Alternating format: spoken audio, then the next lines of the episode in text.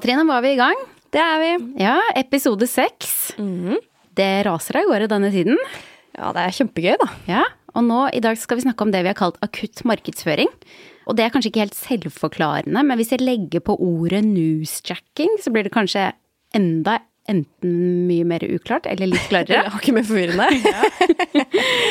Hva er det vi skal snakke om i dag?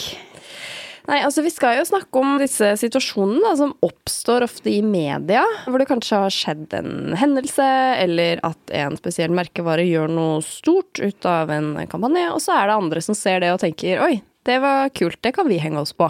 Ja, det skal vi snakke om i dag. Men før vi gjør det, for de av dere som kanskje ikke har lyttet til podkasten før, er det jo greit å introdusere oss selv. Jeg heter Trine Kolbjørnsen, og jeg har lang erfaring fra B2B-verden og markedsføring. Jeg tror jeg begynner å snuse på ellevte året nå. Så det har ganske lang fartstid. Og du er jo B2C-dronning, kan vi kalle det.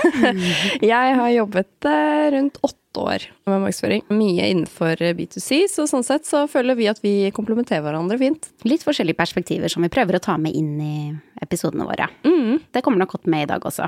Helt sikkert. Vi eh, skal jo da som sagt eh, snakke om dette med newsjacking. Og jeg kommer til å bruke dette ordet mye gjennom episoden, så jeg tenkte jeg vil bare forklare litt mer hva det går på, hvor det kommer fra. Det er en eh, amerikansk herremann som heter David Meerman Scott, som har skrevet en bok, Newsjacking i 2011, og det var egentlig han som tok i bruk dette ordet først. Og det ble faktisk til og med kåret til et av årets ord av Oxford Dictionary i 2017. Ja. Så det ble et eh, ordentlig begrep, og det er blitt et ordentlig begrep. Og det er jo veldig morsomt hva man holder på med her. Det er liksom real time marketing.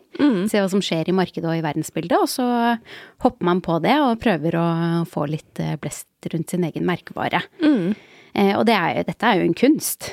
Ja, absolutt. Og vi, eh, som vi skal komme litt inn på senere også, så er det jo veldig mange som får det til veldig, veldig bra. Og så er det kanskje noen ting man må ha litt i bakhodet for at ikke man skal trå feil også. Ja, for det kan jo bli ganske feil hvis du ikke gjør det ordentlig. Ja. Har du noen tanker, altså når er det man skal gjøre det her? I hvilket La oss si det skjer noe i nyhetsbildet. Når er det man skal egentlig hive seg på? Er det når nyhetsbildet er på topp og det er mest skriverier rundt det, eller skal man hekte seg på litt tidlig i løpet, eller er, det mot slutten?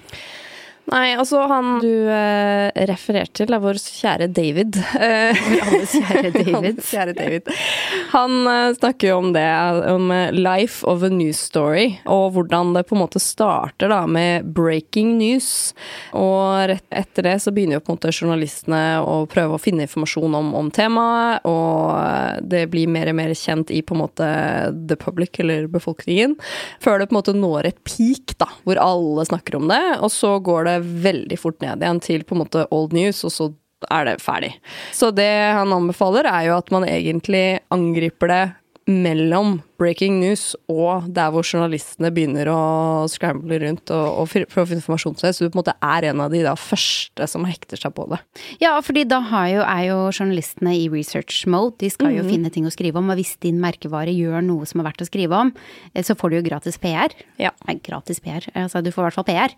Eh, kanskje bruke noen penger på å plassere det, informasjon der. Ja. Og det er jo kjempebra, for da vil jo flere journalister plukke dette opp, og flere nyhetskanaler, og så vil de jo spre seg deretter. Ja, og det er jo der det på en måte gullet ligger litt, da. At du får denne fortjente oppmerksomheten i de fortjente kanalene, og at folk snakker om det du har gjort, uten at du nødvendigvis trenger å, å snakke så mye om det selv. Men når er det man skal hive seg rundt, og når er det det ikke passer? Jeg tenker sånn for eksempel, vi har jo i, i innspillingsstund en uh, krig som er ganske stygg å se på. Det er kanskje ikke den type nyhetssak man skal hive seg etter. Nei, en sånn gyllen regel er kanskje at det er jo enkelte ting man selv vet at man kanskje ikke vil, bruke selv for å profitere på. Så der bør man kanskje holde seg unna, rett og slett, og heller gjøre andre ting som, som hjelper eh, saken. Men det er jo en Hvis man gjør det riktig, så er det jo en veldig kul ting å gjøre. Og hvis man gjør det på en måte med eh, glimt i øyet, og det ikke skader noen, altså andre personer eller andre merkevarer, så er det jo bare å kjøre på. Tenker litt sånn sparka oppover er en sånn grei hovedregel å ha med seg. Enig. Men det er kanskje noen andre ting som må være på plass hvis du skal gjøre det her. Vi har jo snakket en del om det her, og dette med å ha bygget en solid grunnmur for merkevaren og for bedriften, det er jo ganske viktig for Ja. å kunne lykkes i dette arbeidet. Ja, absolutt. Jeg tenker, altså, det temaet her er jo noe veldig mange våre kunder også kommer til oss og sier sånn åh, vi har lyst til å være den morsomme merkevaren med glimt i øyet som kaster oss på sånne trender og får det bra til. Det er veldig mange som vil gjøre det, men hvordan får man det egentlig til, da? Og da er det som du sier, at man må jo på en måte bygge den solide grunnmuren så man er klar til å act da, når ting skjer. Ja, til å hive seg rundt, for det er jo, dette her handler jo om å være fleksibel i markedsføringen sin, men hvis du ikke har en grunnmur å være fleksibel ut ifra, da er det veldig vanskelig å være fleksibel. da er du bare litt all over the place. Ja, du er egentlig det, altså. Ja. Så en av tingene så er jo da å ha, se på markedsplanen, eller markedsstrategien din. Ta en diskusjon i markedsgruppen, og eventuelt med ledelsen eller de som må være involvert, og diskutere hva er det som må være på plass for at vi skal få til det her. Hva er det som mangler?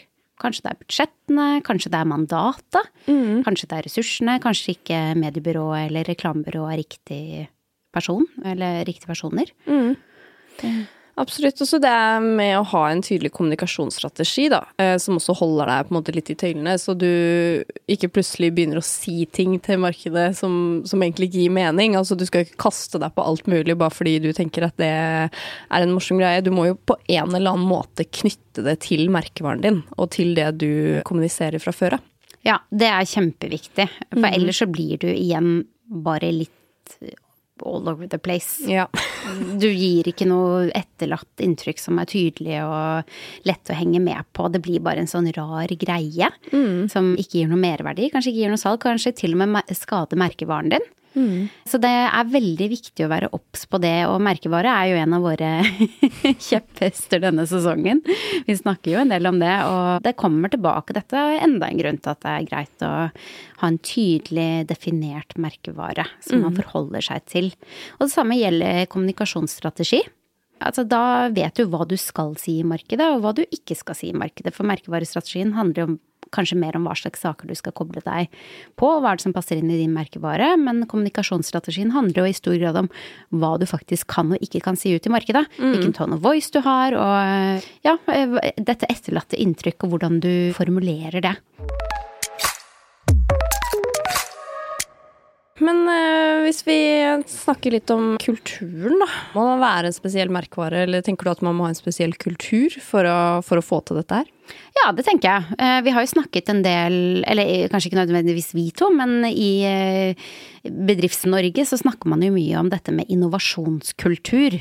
Og der er det jo veldig mye snakk om dette med å tillate å feile. Jeg hørte et byrå en gang som hadde feiret hver fredag den største bommerten man hadde gjort den uken for å bygge dette innovasjonsmiljøet. Og det tenker jeg det er kanskje noe av det samme man må gjøre her. Man må, man må tørre å prøve ting, for dette er Det kan jo treffe kjempebra, så kan det treffe ikke fullt så bra. Da Ja. må det jo være takhøyde for å trå litt feil av og til. Jo, absolutt. Det er jeg egentlig jeg er helt enig i. Jeg er ute hos en kunde nå som har eh, fail scoreboard. Oi, det er gøy! Ja, i kontorlandskapet Hvordan fungerer det? Nei, det er bare et sånn fysisk eh, board da, hvor det står 'failed scoreboard, og så er det liksom én til ti, og når de da har kommet nummer ti, så er det feiring. Å, så gøy. Ja. Er det sjampis? Er det Ja, det er eh, kake, kake og champagne. Nei, det liker jeg godt. Jeg, Kanskje, ja, kanskje man skal ha en sånn uh, newsjacking scoreboard, da. Ja. Eh, Så når man har kommet fem eller ti saker, uansett hvor vellykkede de har vært, så kan man feire. Ja, det motiverer i hvert fall til å prøve, da. Ja, det er gøy. Ja, så det, det, det er jo en sånn viktig kulturbyggende tiltak å gjøre internt. Men så har du jo dette med Vi hadde en episode i forrige sesong hvor vi snakket med mediebyrå om hvordan man skal få til det gode samarbeidet. Og det går jo også på denne kulturbyggingen mellom bedrift og mediebyrå og reklamebyrå. Hvordan får man til den kulturen mellom tre parter for å faktisk få til newsjacking? For i mange tilfeller så er det jo ikke bare en markedsavdeling som sitter og hekter seg på noe. Det kan absolutt godt hende at det er noen markedsavdelinger som jobber på egen hånd her, men veldig mange vil nok trekke inn reklame- og mediebyråene sine. Og da må du jo ha noen tanker om én, at det er greit å foreslå denne type tiltak fra reklamebyråets side, kanskje. Eller at man eh, Ja, at man er åpen for hvordan man skal kommunisere seg imellom. For dette er jo real time. Det skjer på en mandag, og tirsdag må dette være ute og Ja, live. Kanskje Og da- til og med mandag kveld. Ja, kanskje. Og da tenker jeg også at da må jo den der eh, holdt på å si, hellige treenigheten da, som vi snakket om i denne episoden, eh, være til stede. Fordi da må jo på en måte mediebyrået, med en gang de da pitcher den ideen til den merkevaren, så kjenner de merkevaren så godt at de vet at det her kommer til å, det her kommer de til å elske, det her kommer til å passe. Så det blir på en måte ikke mange godkjenningsrunder og en stor, stort prosjekt rundt det, på en måte, da. Fordi at man jobber så tett sammen og har så tydelige mål på hvordan man skal kommunisere, hvor man vil være hva man vil hekte seg på. At det, det skjer liksom en mye bedre dynamikk i det, da. Det blir som beredskapskommunikasjon, egentlig, hvor du kanskje i forkant har diskutert med de involverte partene hva man skal gjøre hvis A, B og C skjer. Man kan jo gjøre det samme med denne hellige treenigheten. Si hør her, vi har et mål i år om å hive oss rundt og ha i hvert fall én, kanskje to, kanskje tre newschecking case. Eh, Hvordan får vi det til? Hvis Ja. noe oppstår, hva gjør vi da? Og rent praktisk i A ringer, B ringer C, vi samles på det og det kontoret, og så gjør man sånn og sånn og sånn. Man kan jo ha gått gjennom de stegene, så man vet hva man skal gjøre når alarmen går. Jeg syns det er en eh, kjempegod plan. Er kanskje det skal være en eh, ambisjon for flere selskaper i 2022. Lage en beredskapsplan for real time marketing. ja, og jeg tenker jo ref eh, hva vi snakket om i forrige episode også, eller to episoder siden, med reklameirritasjon. Det er veldig mange som er ganske fed up med reklame om dagen, og at det er irriterende. Men hvis vi kan hive deg rundt og gjøre morsomme ting, kanskje det irriterer litt mindre. Kanskje dette er veien å gå. Absolutt, tenker jeg det. Ja. Men så er det jo også det med Som kanskje er litt enklere, da, som kan være litt sånn inngangssteg til dette med real-time marketing, er jo også å forberede innhold til ting du vet kommer. Altså vi Ja. har jo disse De som jobber med sosiale medier, har jo ofte en sånn kalender hvert år hvor du deler sånn dette alle merkedagene i løpet av året, og det er helt ekstremt hvor mange merkedager det faktisk Ja, er helt utrolig. Noen litt absurde innimellom. Men eh, det er jo på en måte en litt enklere inngang, da. Altså, du vet liksom at det skal være ny president i USA, ikke sant. Ikea kunne vel blant annet hekta seg jo på det når eh, Joe Biden endelig tok over for Trump. Vi har jo alt 1. april, aprilsnarr, du har Valentine's Day, du har morsdag, du har farsdag, du har jo 17. mai. Altså endeløse ting man kan på en måte hekte seg litt på der, da. Og gjøre morsomme ting ut. Og da kan du kartlegge for din merkevare hvilke dager er det som passer inn i din merkevare. Hvis du ikke er i nærheten av å ha nok kvinner i styret ditt, kanskje du ikke hekter deg på eh, 8. mars, men kanskje 17. mai er en bedre dag da. Jeg vet ikke, men man må kartlegge merkevaren sin og se hva som passer inn hvor. Det er kjempeviktig. Absolutt. Og så er det jo da klart det at, eh, ja, som du sier, menn i styret skal kanskje ja, ikke snakke ut det. Og litt sånn også i forhold til hvilke produkter du har, da. Hva, hva er det som er naturlig å hekte seg på? Er du en B2C-kunde eller er du B2B, så tenker jeg at det er jo litt forskjellige merkedager man da kanskje er opptatt av. Absolutt. Ja. Du må jo tenke den kommersielle sammen med merkevare, sammen med hva som passer. Men eh, budsjetter, da? Hva tenker du om det? Litt sånn hvor langt er et tau-spørsmål, men uh, har du noen tanker om det? Hvor stort budsjett skal du ha? Er det kun de største merkevarene som kan gjøre det her? Nei, det mener jeg ikke. Jeg tenker at uh, du trenger absolutt ikke å ha uh, kjempestore budsjetter for å få det her. Jeg, få til det. Jeg tenker det viktigste er jo å ha den solide grunnmuren da, som vi snakket om. Hvis du har en kultur i uh, selskapet ditt om hvor alle er på en måte med på at dette har vi lyst til å få til. Så hvis noen i selskapet altså nødvendigvis er i markedsavdelingen eller om er i salgsavdelingen, eller den andre ser at noe skjer, og de tenker dette kan være gøy for oss å hekte oss på, så tenker jeg at veldig mye er gjort. Og så kan man da på en måte legge en plan om hvordan man skal gå ut i markedet, og så trenger man jo ikke å gå ut med en kjempestor og dyr kampanje. Nei, det handler jo om ambisjonsnivået og målgruppen din, eh, som vi alltid kommer tilbake til, og hva du ønsker å oppnå. Men også om du har en Altså, du kommer veldig langt med en god idé. Hvis Absolutt. du har en godt gjennomtenkt idé, og du har noen steder du kan ta det ut, jobbe litt med PR, så kommer du ganske langt der. Ja, Men jeg det. tenker du må kanskje ha, i hvert fall altså, 100 000 eh, pluss eh, vil det nok fort ryke med her. fordi det er jo en del ting som antageligvis må på plass, og det er jo utforming av konseptet, bare det å få tiden til folk. Du har kreativer som skal lages. Mm. Du har eh, tekst, innhold, gjerne litt prosjektledelse. Hvis du bruker mediebyrå, så er det mediespent. Hvis du bruker reklamebyrå, så må jo de få betalt. Så mm. det kan det, Igjen, det kommer an på ambisjonsnivået hvor du legger lista. Mm. Jeg tenker jo det. Og så er det viktig, sånn som du startet episoden med å si, at uh, newstracking da, som konsept handler jo om det at du skal være en av de første som kommer med informasjon om en sak rett etter at den har kommet ut. Mm. Så journalistene som da leter etter mer informasjon på saken, finner uh, din merkevare og din kampanje, og så hjelper å spre den ut. Så hvis du klarer å være tidlig nok da, og skaper litt synlighet med det du driver med, så journalistene finner deg, så er jo det Da er det jo kjempebra. Da kommer du ut der. Og her har vi noen case, så kanskje vi bare skal gå videre til de nå? Case er gøy. Det ja. må vi. Jeg har lyst til å ta det første caset, fordi det handler er vel liksom perfekt case som beskriver det du sier at du må være, ha timingen helt riktig. Mm. Det var et australsk forsikringsselskap som heter Tio Business Insurance, som eh, Obama skulle på besøk til, til Australia. Så fant de ut hm, hvordan skal vi hekte oss på det her og da. De visste at dette skulle skje, så de hadde jo tid til å forberede seg. Mm. Og da fant de ut at jo, i det øyeblikket Obama setter sine ben på australsk eh, mark, så skal forsikringen vår tre i kraft, slik at hvis han blir spist av en krokodille da får Michelle Obama utbetalt 50 000 australske dollar. det er kjempegøy. og da har de jo disse journalistene som prøver å finne alle mulige innfallsvinkler og et eller annet å skrive om, og det er klart ja. at denne saken her, den trigger jo Altså smilebåndet blir jo dratt i, og det er jo en morsom innfallsvinkel. En ja. litt sånn ekstrasak. Så du de husker den? Den husker du. Ja. Så den syns jeg var veldig perfekt timing. Da visste de på forhånd at dette skulle skje. De visste mm. idet han treffer bakken, det er da journalistene virkelig begynner å skrive om det her. De var klare. Ja. Det syns jeg var eksemplarisk utført. Det er kjempe, kjempebra. Absolutt sånn, sånn, sånn, man skal gjøre det. ja.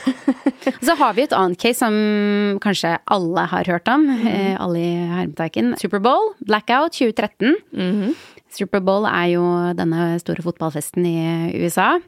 Da er det jo dette reklamekampen om eh, å bli sett av eh, bedriftene som har reklamebudsjetter her. Mm. Og da det ble blackout, det var jo ikke ventet, så vidt jeg vet i hvert fall. Kanskje det var staged, who knows, men eh, det vet jeg ingenting om. Og da var det Oreo som kom på banen lagde en annonse som de sendte ut på Twitter med bilde av en Oreo i et mørkt rom, og så sto det 'You can still dunk in the dark'.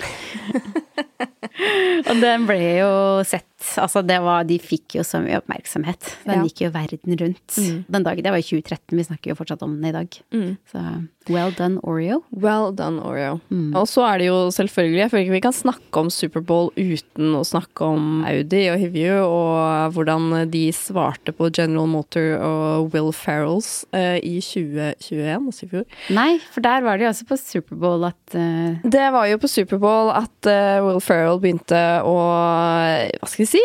Snakke litt dritt om Norge. Ja, yppe litt. yppe litt. Uh, gjorde narr av at Eller at vi uh, har flest elbiler, eller selger flest elbiler per person eh, ja, nå skulle USA verden. banke Norge, Nå skulle USA komme og ta oss, rett og slett, mm. via General Motors. Og da var det jo Audi som leide inn Hivju og Axel Hennie, og lynraskt kastet seg rundt og lagde et svar, rett og slett, om at ikke kjeft på oss, vi prøver jo bare å endre verden, rett og slett. Ja. Det var eh, nydelig levert. Og så kom de jo da, og de var jo først ute. Og da mm. snakker vi om denne som vi innledet med, når man skal hive seg rundt. De var jo eh, først ute. Ja. Og så kom Circle K og Visit Norway, og det var ja. veldig mange andre aktører som hev seg på. Og de også var kjempemorsomme, men de, de var ikke først ute. Nei, og da blir det litt mer sånn eh, Da begynner man å nærme seg den old news, eh, at kurven dipper, for ja. å si det sånn. Mm. Um, men uh, veldig gøy. Ja, veldig morsomme, alle de Ja, og at alle hev seg såpass rundt, det syns jeg var uh, veldig bra jobba. Mm. Og man kunne jo ikke forutse at General Motors skulle komme med den. Nei. Eh, så det var raskt levert, syns jeg. Mm. Og så har vi jo Verd, da. Ja, Verd. Ja. Hvem er Verd? Verd er jo eh, et av disse selskapene til Askeladden. Askeladden. Mm. Begravelsesbyrå som hadde eh, Var det i DN de var? Var. Finansavisen, mener jeg det var. Finansavisen var det. Hvor det rett og slett var helsides printannonser, hvor det på noen sto stigende snittetrend. Ja. SN for eh, Ikke smitte, men snitte. Snittetrend. Og noen andre som skrev 'Det er for sent å snu i graven'. Ja. Så det er Altså jo med etterfølgende ta vaksinen. Ta vaksinen. Så det er jo på en måte ikke så akutt, for da hadde jo eh, korona og vært til stede slutt. Vi har snakket mye om vaksiner, men de klarte jo på en måte å hekte seg på nyhetsbildet og var ganske sånn bold. Veldig bold. Ja. Veldig overraskende. Og jeg vet at den fikk mixed respons. Noen likte den kjempegodt, andre syns den var eh, upassende. Eh, Så det er, og det er jo et bold grep å ha en liten humoristisk vri innenfor den bransjen de jobber. Absolutt. Men den skapte jo da ekstremt mye oppmerksomhet, så sånn sett eh, nådde de jo målet sitt. Absolutt. Og de eh, fikk fram et viktig budskap også. Så jeg syns den er verdt å nevne. Og der har du også et case hvor du, de nok hadde god planleggingstid. Det var ikke å hive seg rundt på, på minuttet og på dagen, eh, men de kunne forberede seg litt i forkant. Men allikevel hekte seg på et nyhetsbilde. Så det er jo også noe å ta med seg, da. At man trenger ikke alltid å hive seg rundt på de plutselige tingene som oppstår, men se hva som skjer i nyhetsbildet, og se om det er noe som passer din merkevare. Så har vi jo eh, Fodura, da. Ja. De hadde jo eh, dette berømte vasestikket mot uh, Trubin-Gjedde. ja, hva var det igjen? Nei, han kom jo med et utspill da at uh, de måtte stoppe utbygging av flere sykkelveier i Oslo, fordi nå ble det så vanskelig for oss, uh, eller jeg vet ikke om Ankerholt brukte uttrykket vanlige folk, men eh, det ble vanskelig for folk i hvert fall å eh, parkere glassmagasinet. Hvordan kunne man da f.eks. kjøpe en kjempestor vase og ta i bilen hvis man ikke kunne parkere der? Og da tok jo de rett og slett et bilde av denne kjempestore vasen og skrev at de kan fint eh, levere det hjem på sykkel, og kjøpte vel da spesielt utendørsreklame i nærheten av eh, leiligheten. Kjempegøy.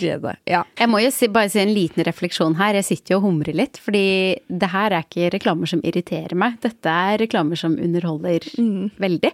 Ja. Og det er jo Det må jo være et mål her. At flere klarer det her. Ja. Og så sa vi tidligere at du skal jo ikke på en måte angripe personer og sånne ting, det må man ha i bakhodet, men eh, jeg tror nok at eh, det her var gjort med såpass eh, humor og blink i øyet at det Ja. kommer man unna med. Ja, jeg tenker såpass må man tåle når man er politiker. Det var jo ikke på han som person, det var jo på sak.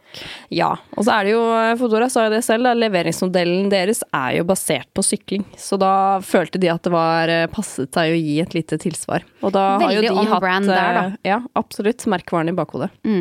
Det er et perfekt eksempel på hvordan man kan eh, sjekke om det her er innafor med merkevaren din.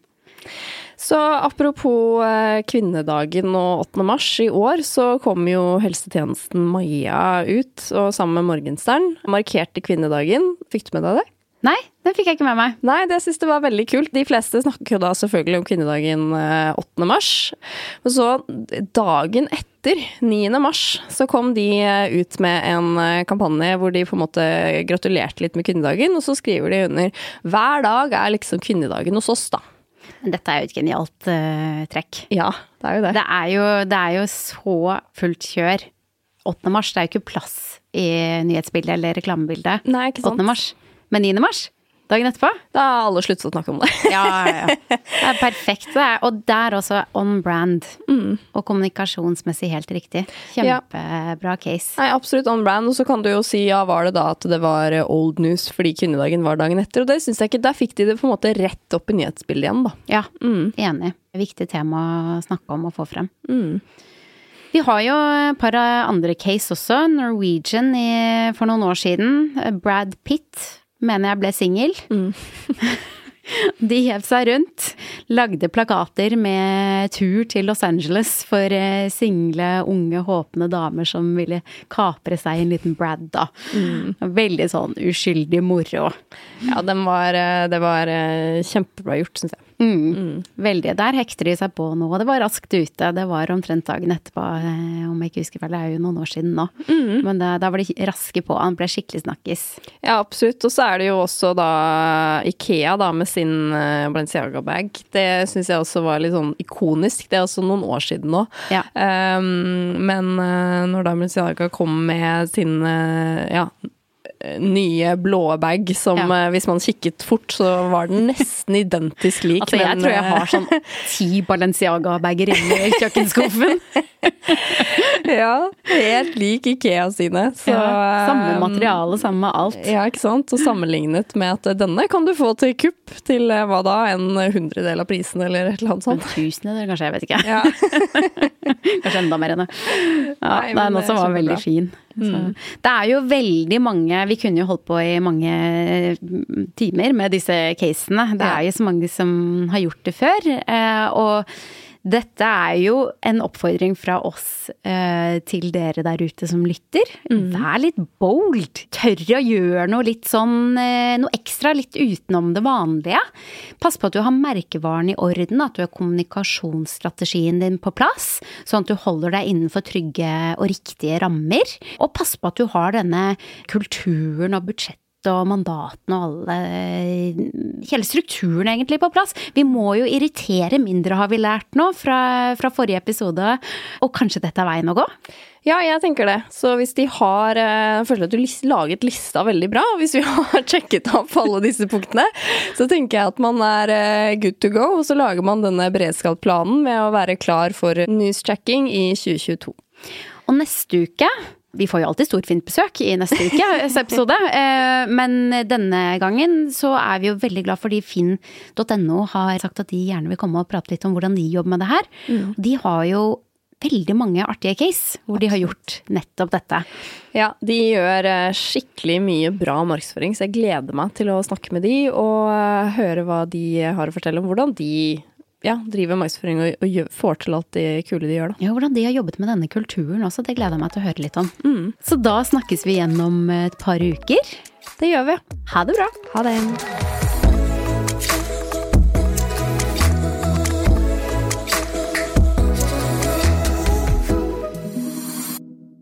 Denne podkasten er produsert av Freemantle Podcast for markedssjefene.